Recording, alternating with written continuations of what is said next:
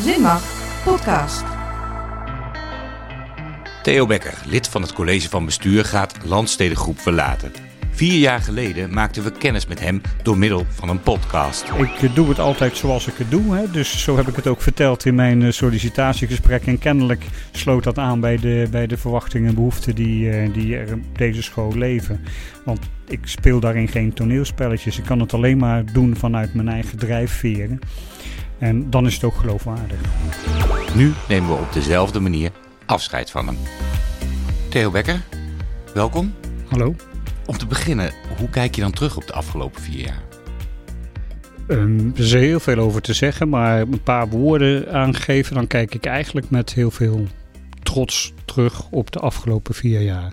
Ik ben voor mijn opvolger een overdrachtsdocument aan het schrijven. En laten we zeggen, eigenlijk dacht ik steeds van, goh, dat is nog niet gebeurd en daar had ik nog meer tijd aan moeten besteden. En dat is jammer dat dat niet doorgegaan is. Maar bij het schrijven van het overdrachtsdocument krijg je veel beter een beeld van wat er wel is gebeurd. En dan moet ik eerlijk zeggen dat ik daar ja, gewoon trots op ben.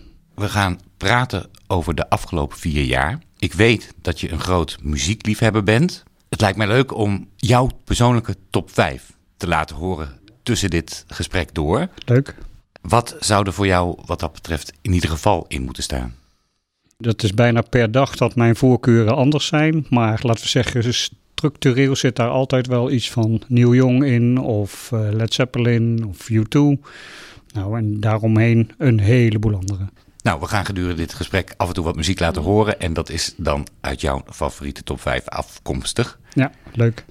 Wat zag je toen je begon bij Landstedengroep als belangrijkste uitdaging? Die kwam eigenlijk vrij kort nadat ik begonnen was, omdat het vormen van een beeld op papier en de verhalen van mensen vaak toch nog wat anders is als wanneer je uh, in de werkelijkheid komt en uh, mensen in de ogen kan kijken wanneer ze iets meer vertellen dan het sociaal wenselijke verhaal, wat je vaak toch in, in uh, procedures nog wel te horen krijgt.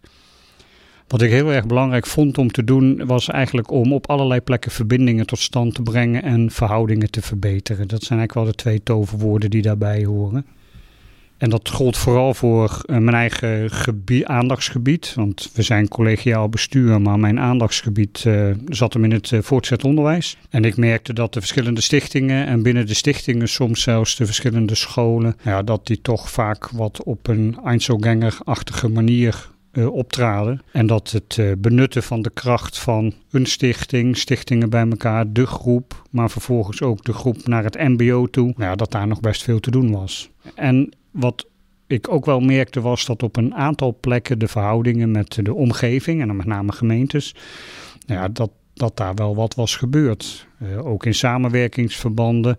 Dus als landsteden binnenkwam, dan kwam je wel binnen met al een verhaal van hoe men gewend was met landsteden om te gaan. En dat was niet altijd positief. En wat ook heel erg belangrijk is, vind ik, is, is dat je verhaal klopt. Dus dat wat je aan de bovenkant zegt, in de vorm van je strategienota, in het feit dat je een aantal waarden wil vertegenwoordigen en dan niet alleen maar in mooie folders, maar gewoon in het dagelijkse contact op de scholen, hoe uh, leraren met leerlingen omgaan, hoe ouders zeg maar, de contacten met scholen ervaren.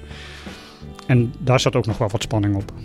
Zullen we nu uh, eerst even naar Neil Jong gaan luisteren? Dat vind ik een heel goed plan.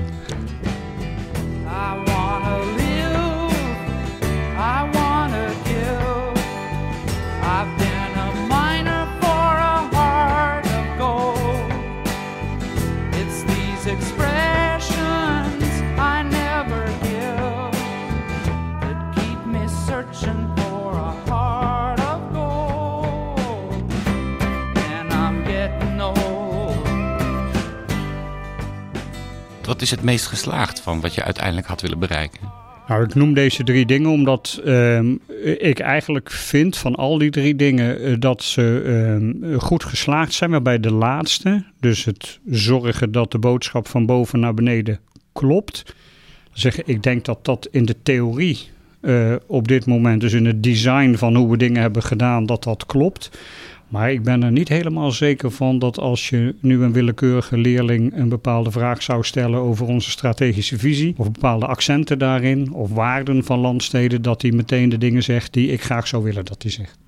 wat ik ook altijd heel belangrijk vind voor een schoolorganisatie, is, is dat op basis van nou ja, de middelen die je beschikbaar krijgt en de mensen die je hebt, dat nou ja, als het gaat over kloppen, dat moet ook kloppen. Dus er moet geen wanverhouding zijn tussen wat er binnenkomt en uitgaat, of tussen het aantal mensen uh, wat je op de loonlijst hebt staan en wat je eigenlijk zou kunnen betalen als het gaat over de subsidies en dergelijke die je krijgt. En dat was bij landsteden wel, uh, wel aan de hand. Dus er was wel een groot probleem als het gaat over de bedrijfsvoering, over de financiële huishouding, over ja, hoe scholen omgingen met hun ondersteuning. Uh, dus er waren nogal wat stichtingen die uh, in financieel zwaar weer zaten. Jij bent een onderwijsman, mm -hmm. komt uit het onderwijs.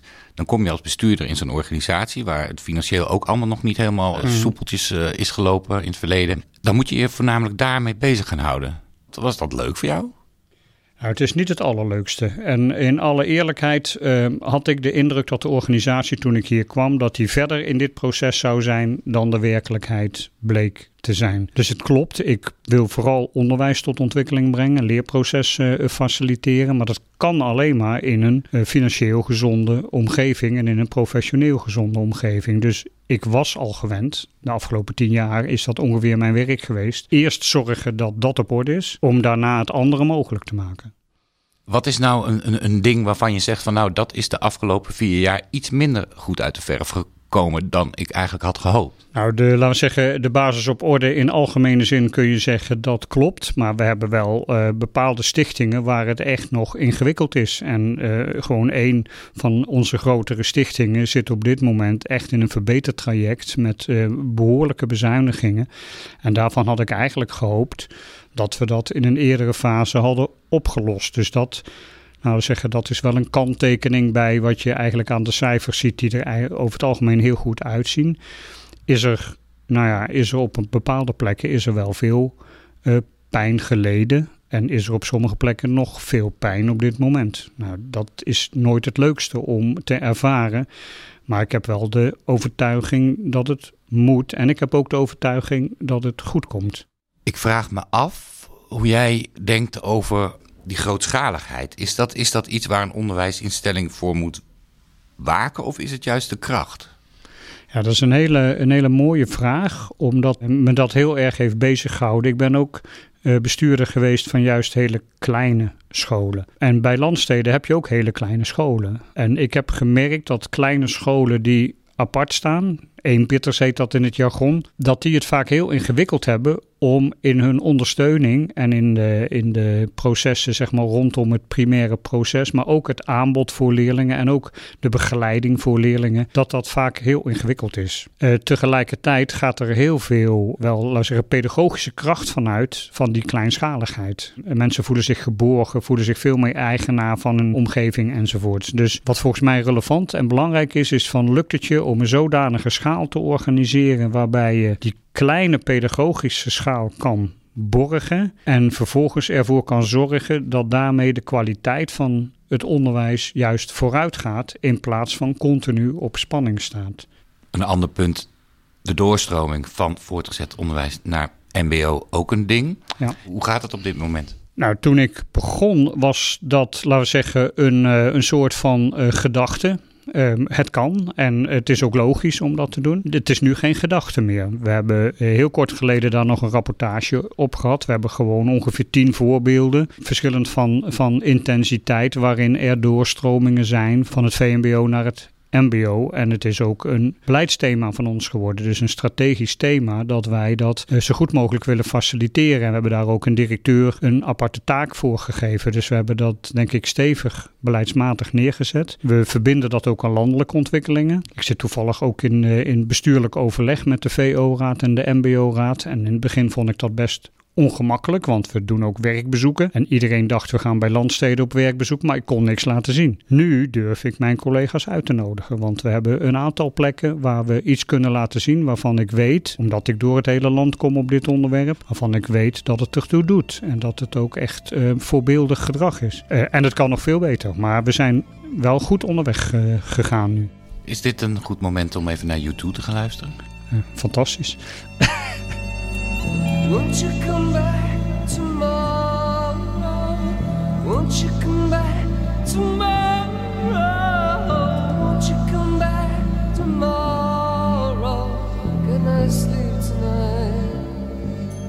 Welke verbinding in de regio is jou het meest bijgebleven? Ja, dat zijn er eigenlijk wel een paar.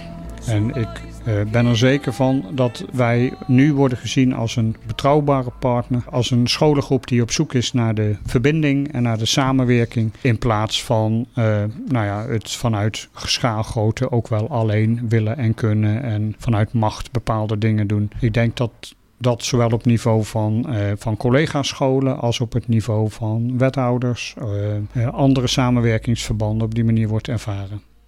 Theo, de afgelopen maanden zijn voor iedereen bijzondere maanden geweest. En dan heb ik het ja. natuurlijk over de coronacrisis. Hoe heb jij dat ervaren? Um, nou, ook zo, bijzondere maanden. En in een van onze uh, videoboodschappen heb ik ook een soort van frustratie uitgesproken. Met een knipoog. Omdat uh, door corona er een aantal dingen gingen veranderen. Of uh, bepaalde paradigma's ter discussie kwamen. Waar ik meen al heel lang in mijn onderwijscarrière mijn best voor te doen om uh, zaken te veranderen, paradigma's ter discussie te hebben. En door corona was dat in één keer geen issue. Ging het gewoon zo omdat het moest, omdat het niet anders kon. Dus mensen gingen veel meer digitale uh, methoden gebruiken om, om lesstof over te dragen. Men ging erover nadenken van moet alles wat eigenlijk in de boekje staat, moet dat eigenlijk wel per se? Dus ehm, is het de overladenheid van het curriculum, wat een groot probleem is in Nederland, werd nu in één keer een echt punt van aandacht. We gaan het uh, alleen nog maar op de hoofdzaken hebben. Nou, allemaal van dat soort dingen. En dat we dat, die ervaring meenemen om het uh, morgen en overmorgen ook echt anders te gaan doen. Ik heb opgevangen dat je iemand bent die gewoon graag zijn boterhammetje in de kantine gaat eten. Tussen alle andere mensen hier. Ja. Hoe krijg je als bestuurder mee wat er eigenlijk daadwerkelijk allemaal op die werkvloer leeft? Ja, dat is een, dat is een groot vraagstuk.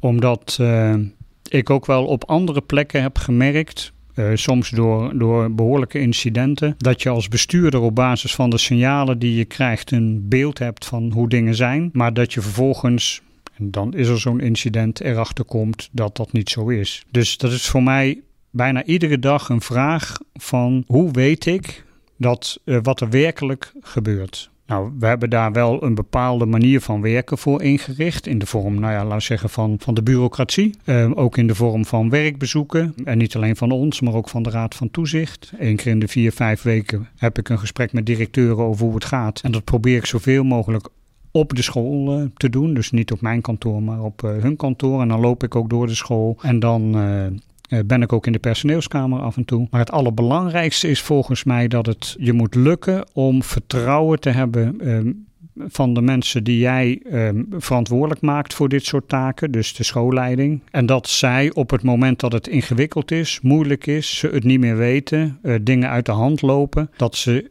dat vertrouwen gebruiken om daar met mij vervolgens over te praten. En het dus niet wegstoppen en verstoppen, maar juist openmaken en praten. En dat, ja, dat is lastig om daar een recept voor te geven, maar dat is een beetje de basis. Werken vanuit het vertrouwen dat mensen, juist als het slecht gaat, bij je komen. Hoe heb jij de samenwerking met Theo Rietkerk ervaren? Volgens mij hebben wij uh, de afgelopen vier jaar echt um, elkaar um, op een hele goede manier kunnen ondersteunen in wie we zijn als mensen en als leidinggevende van deze organisatie. Dus ik denk dat de combi die we hebben gemaakt met elkaar, dat die uh, heel vruchtbaar uh, heeft gewerkt. Ik denk dat Theo heel erg goed is. Hè? Daar heeft hij ook in doorgeleerd, zeg maar, in het bestuurskundige deel. Dus heel erg goed in het ontwerpen van procedures, het heel strikt zijn in van nee, dit is onze werkwijze, zo hebben we het afgesproken. Het moet op deze manier gebeuren. Nou, daar ben ik iets minder van. En ik zit inderdaad veel meer aan de, aan de onderwijsontwikkelkant. En ik heb ook wel iets in me waarin ik vind dat het de procedures moeten kloppen. Dus het is niet zo dat ik daar niks mee heb. Dus ik heb van hem wel geleerd, vooral in de consequentheid. Terwijl ik meende al best behoorlijk consequent te zijn in een aantal dingen. Maar ik gaf ook nog wel eens de ruimte voor uitzonderingen. En nou ja, deze keer dit, de andere keer dat. Maar de consequentheid en daarmee ook ja, de organisatie wel heel goed in een bepaald kader plaatsen en een bepaalde werkwijze met elkaar afspreken, dat, dat vond ik wel echt heel knap. En dat had de, de groep ook heel hard nodig de afgelopen jaren. Elbo, wat heb je daarmee? Ja, tien jaar geleden, Pinkpop, zaten wij op het veld. En toen uh, ging daar een band spelen, waar wij niet voor gekomen waren, want wij kwamen voor Coldplay. En uh, we raakten helemaal verrast van wat gebeurt hier nou. En toen zijn we ons gaan verdiepen. En uh, nou ja, we zijn nou hardcore Elbow-fan. En Coldplay is ook een goede band, maar daar zijn we wat minder fan van geworden sinds eh, de afgelopen tien jaar. Dus die hebben we een beetje tegen elkaar ingeruild, zou je kunnen zeggen. Laten we luisteren. So I'm there, charging around with a juggernaut brow, overdrive speeches and deadlines to make, cramming commitments like cats in a sack, telephone burning a purposeful gate. When out of the doorway the tentacles stretch of a song that I know and the world moves. in Hoe zag een eh, gemiddeld weekje van Theo Becker eruit? Ik weet niet of je dat wil weten. Ik wel. Nou, dat begon vaak eh, op zondag. Ehm, want eh, onze CVB-vergadering die duurde drie uur iedere week. Ongeveer drie uur. Maar daar stond werk voor eh, een uur of vijf eh, op het programma. Ehm, ik ben ervan om alles goed voor te bereiden. Dus dat betekent dat ik die tijd moet vinden en die vind ik niet overdag. Dus in het weekend eh, bestede ik eh, een aantal uren aan bijvoorbeeld voorbereiding van vergaderingen, directieberaadvergaderingen en de CVB-vergaderingen. Nou ja, en dan was ik vaak zo erg rond acht uur eh, op school. Ik reisde ook voor corona veel met de trein. Nou, vanaf Arnhem is dat ongeveer een uur. Dus dat betekent dat ik eh, zo rond zes op ben en dan eh, om zeven uur de trein heb en dan ongeveer om acht uur hier ben. Nou ja, dan heb ik wel een vast, vast ritme van nou kijken naar mijn agenda en, eh, en mijn mail wegwerken. Ja, en dan, en dat heb ik tot op de laatste moment echt een groot vraagstuk voor ons gevonden. De planning van de dag. Gewoon de hele dag is eigenlijk volgepland met eh, vergaderingen, overleggen, eh, belafspraken, allerlei ontmoetingen die je hebt eh, met mensen. In het begin zelfs zo dat er geen reistijd of wat ook tussen zat, terwijl wij echt locaties hebben in Harderwijk en in Hardenberg en dat je daar niet in twee minuten bent. Nou, dan zeg ik, dat hebben we een stuk verbeterd, dat je in ieder geval er ook komen kan ongeveer op tijd. Nou, en dan is de dag meestal zo, hier op kantoor loopt hij dan eh, zo tussen een uur of zes, tussen vijf en zes. ehm, ehm. als je geen avondactiviteit hebt, nou gemiddeld twee keer in de week hebben we wel avondactiviteiten, vaak ook drie keer, soms vier keer, gewoon iedere week. En dan moet je thuis ook vaak nog de volgende dag voorbereiden of datgene wat je deze dag hebt meegemaakt, daar moeten soms dingen mee, dus telefoongesprekken voeren, dingen opschrijven, nou ja zo. En is dan nog tijd om aandacht aan de hond te geven? Nee. Nee, dat is een van mijn afwegingen om ehm, op deze manier niet verder te gaan, heeft precies daarmee te maken. Omdat het, eh, ik ben altijd gewend geweest om heel hard te werken. Maar ik vond bij eh, landsteden was op een bepaald moment wel voor mij, en dat zegt misschien niks over landsteden en alles over mij, maar de balans die raakte ik een beetje kwijt. Ik was eigenlijk alleen nog maar aan het werk en als ik niet op mijn werkplek was, dan zat het werk in mijn hoofd. Dus dat wilde ik niet. Ik wilde ook tijd hebben voor sport, voor muziek, voor mijn partner, voor onze kinderen. Nou, voor de honden. Inmiddels hebben we er eh, iets meer. Dus ehm, dat betekende dat eh, voor mij dat ik dacht van ja, ik moet die balans weer terugbrengen. Hoe werkt dat proces dan dat je op een gegeven moment gaat denken van wat ga ik nu doen? Nou, dat is niet zo van de een op de andere dag vanzelfsprekend. Hè. Dus dat is een proces inderdaad. Dus eh, een aantal aanleidingen vaak ook. Hè. Dus ik heb het daar met, met Hanneke, mijn partner, ook over. Zij heeft ook een hele drukke baan, maar richt het anders in dan ik. Dus ik zie dat gebeuren. En eh, soms zeggen kinderen dat ook aan de... eh, als je weer om acht uur thuis komt en nog een, een bordje warm eh, moet maken om nog even bij te eten. Dan zeggen ze wel eens tegen mij van, eh, wat is dit voor een baan? Hè? Eh, eh, vind je het nog leuk? Nou, dan zeg ik dat ik het heel leuk vind. Maar die opmerking prikt wel door. En wat voor mij ook wel speelde is dat ik rondom de jaarwisseling, dat doet iedereen denk ik, kijk je vooruit. Hè? En het was het moment van keuze van hoe gaat het verder eh, eh, met mij bij de landstedengroep. En eh, ik had nooit gedacht dat ik dat zou vinden en zeggen, maar ik heb dit jaar mijn vader overleefd in leeftijd. En dat is voor mij wel een ding geweest. Hoe wil ik eigenlijk mijn leven inrichten? Mijn vader is heel plotseling overleden, hartinfarct, eh, heel erg kausaal verband met zijn werk. Nou, dus ik dacht, dat heeft bij mij ook wel eh, eh, mezelf aan het denken gebracht. Dat ik dacht van nou, eh, ja, wil ik dat eigenlijk nog wel? En moet dat nou wel op deze manier? We gaan nu eerst luisteren naar Never Own met het nummer Free Together. Damn you, Lord. Damn your light. Damn the words that you preach every night.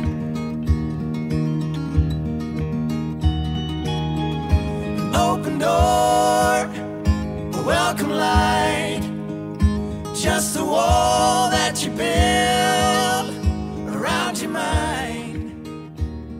Wat laat je achter als je hier straks de deur dicht uh, doet? Ik denk een, eh, een, een scholengroep in een nieuwe fase van ontwikkeling. Waarbij eh, de basis op orde is. Waarbij er eh, geen grote financiële zorgen zijn. Waarbij de koers helder is. We hebben een strategienota. Waarbij we met elkaar een werkwijze hebben gevonden die elkaar versterkt in plaats van belemmert. En waarbij dus alle mogelijkheden aanwezig zijn, eh, randvoorwaarden geschapen zijn om ook eh, nou laat zeggen, we doen al op een aantal plekken heel interessant onderwijs, maar daar met elkaar nog een, een volgende stap in te zetten. En de kracht van de groep ontwikkelen in doorlopende leerlijnen, VMBO, MBO en misschien nog wel met de Zwolse 8 eh, ook nog andere niveaus betrekken. Wat zijn eigenlijk je plannen nu? Wat, wat, wat ga je doen? Ja, eh, dat weet ik nog niet. ik ga vakantie houden, dat in eerste instantie. En eh, dat kan zijn dat dat eh, wat langer is, dus dat ik gewend was vakantie te hebben. Want ik was gewend een week of drie vakantie te hebben. En eh, in die drie weken ook nog wel wat voor school te doen. Dus ik heb toevallig net van de week plannen gemaakt voor dat we zeker vijf weken weg zijn of andere dingen gaan doen. Nou, daarachter is nog niks. Ehm, dus daar ga ik over nadenken. Maar ik ga hoe dan ook nog wel aan de slag in het onderwijs. Nou, ik ik heb heel veel ervaring op allerlei niveaus. Ik ben niet van het soort zeg van nou, ik zit nou op het niveau van bestuurder landsteden. Dus alles wat daaronder zit, daar ben ik te groot voor. Dat is niet zo. Dus ik ga wel gewoon kijken wat zich, eh, wat zich aandient. Zie je jezelf nog voor de klas staan? Nou, het is leuk dat je dat vraagt, want dat, is, dat is een van de dingen die ik ook bedenk. Er is leraartekort hè, en ik heb ook op de PABO gezeten. Dus leraren en mannentekort in het basisonderwijs. Dat gaat wel eens door mijn hoofd, moet ik eerlijk bekennen. Dus het is niet uitgesloten dat je straks gewoon voor de klas staat. Dat zou zomaar kunnen. Ja. Mooi. Jouw opvolger, Tjeerd Biesterbos. ja. Wat wil je die meegeven? Ik hoop dat het hem eh, lukt om eh, gewoon door te gaan in het ingezette spoor. Ehm, dat het hem eh, lukt om ehm, heel mooi onderwijs eh, te organiseren. En ik hoop dat het hem lukt om een mooie balans te vinden tussen eh, privé en werk. Want daarvan denk ik dat dat mij niet helemaal goed gelukt is.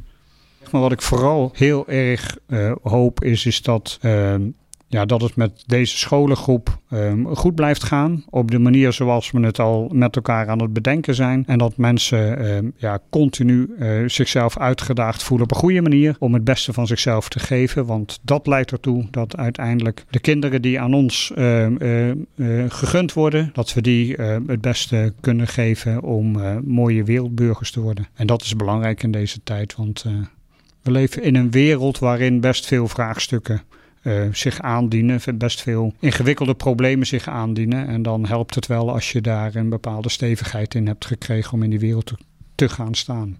En daar is een school toch wel de beste plek voor. Theo, bedankt voor dit gesprek. Graag gedaan. Zullen we tot slot nog even luisteren naar de nummer 1 uit jouw lijst? Ja, lijkt me heel goed.